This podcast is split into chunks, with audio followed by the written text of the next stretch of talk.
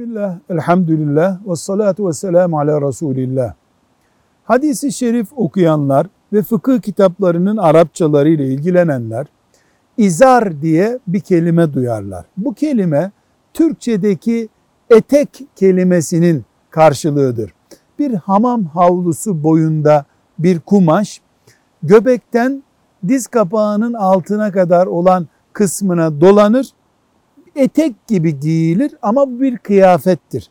Ashab-ı kiramın bu kıyafeti giydiklerini, göbekten aşağısını bununla örttüklerini söyleyebiliriz.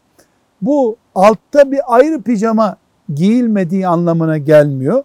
Ama bizim bir tür önlük gibi kullandığımız şeyi onlar bütün bedenine dolayarak kullanmışlardır. Giyilmesi farz, vacip, sünnet değildir. Örfi olarak bir giyim tarzıdır. Bugün başka kıyafetler vardır. Şeriata uygun olarak onlar da giyilebilir. Velhamdülillahi Rabbil Alemin.